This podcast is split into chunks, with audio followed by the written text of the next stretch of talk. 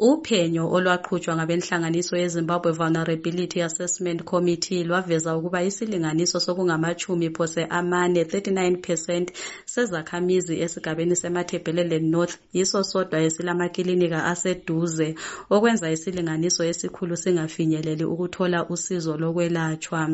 Omunye walaba ngumnumzana Nhlanganiso Ncube lomkakhe unkosikazi Sisasenkosi Ndlovu abewange eBH 26 abagulelwa indodakazi yabo uQueen olomnyaka owodwa wokuzalwa olesimo sokukhukhumala ikhanda abongi abathi kubangelwa yikugobhoza kwamanzi amanengi phakathi kwalo okunakekelwa ukuthi ulesimo sehydrocephalus. Phezu kwalokhu uQueen lo ukhubazekile njalo emgogodleni ngoba wazalwa enamathele emhlane kanina. Kuthe ekupheleni komnyaka odluleyo wabuye njalo wabanjwa isifo sofuba i-tuberculosis alokhe eyilwisa kodwa uyise uthi kalamali yokumelaphisa ezibhedlela sabanjalo eMount Darwin esibiza amaqubaquba. Uhambile esibhedlela eKaranda abantu bemncedisa but ah amanzi akhona ayalela ayalela. Kumele buyele khonapha eKaranda futhi ngimbisele ku-review bezama ukuyamdraina futhi amanzi akhona. Lenyaweni ule problem langamuva ku-backbone le problem. Unina uthi ngobuhlungu umntanakhe aphakathi kwabo lokudla kusuka kwale. Kubuhlungu lokho engikubonayo lezilonda lezi angidli nxa ngikhangela umntwana ngezilonda lezi. Uyise uthi njengabazali basuka baswele ukuthi bengenza njani ukuthi bemephule kulobo buhlungu.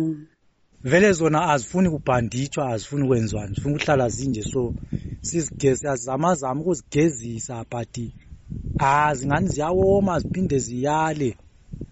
Ziphinde zihlale zinjalo zibuyele ziwome. Langapha ekhanda ngapha lanxa umbamba so amanzi la abe chisa sibili Okay. khanya ukuthi uyeza ubuhlungu. Kwesinye isikhathi asilale ebusuku uyagomela.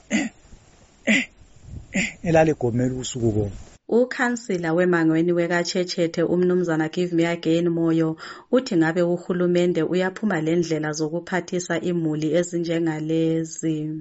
silabantu abagogekileyo abantu laba abagogekileyo abalutholi usizo.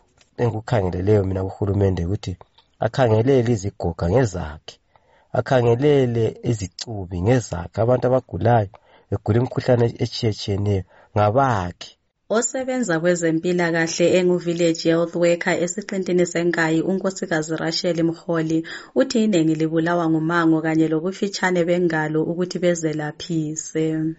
akulazimali abanye bahamba ngenyawo beyefika ezibhedlela umuntu ephathekile kumbe kwesikhathi ebophe inqola wahamba. Nxa ethi uyafika ngala uthola ukuthi akulamithi vele.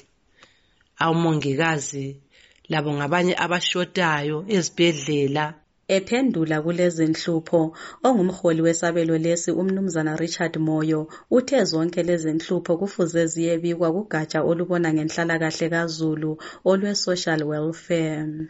nxa kulokunye njalo okuyabe kushota ababuye emahofisini ethu bezokutsho kumbe amahofisini abo-ddc kulama uh, kulama-social welfare officers indawo yonke bencediseke nxa kulama-individual abafila ukuthi basalele ngamuva uh, ukuthi uhulumende kabakhangelele. Uhulumende kwesikhathi uyabe engakwazi ukuthi bakhona.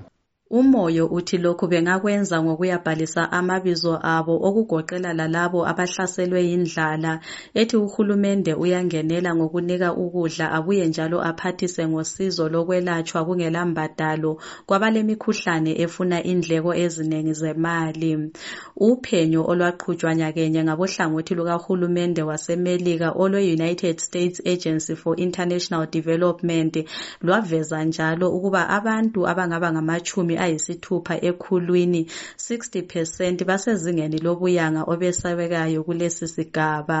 Baveza njalo ukuba isabelo lesi silabanengi abalezifo ezehlukeneyo ezigoqela ezenhliziyo, ingculaza, isihudo lezinye kanye lokusabalala kokufuba ebantwaneni abaphansi kweminyaka elitshumi ngesizathu sokuswela ukudla okwakha umzimba.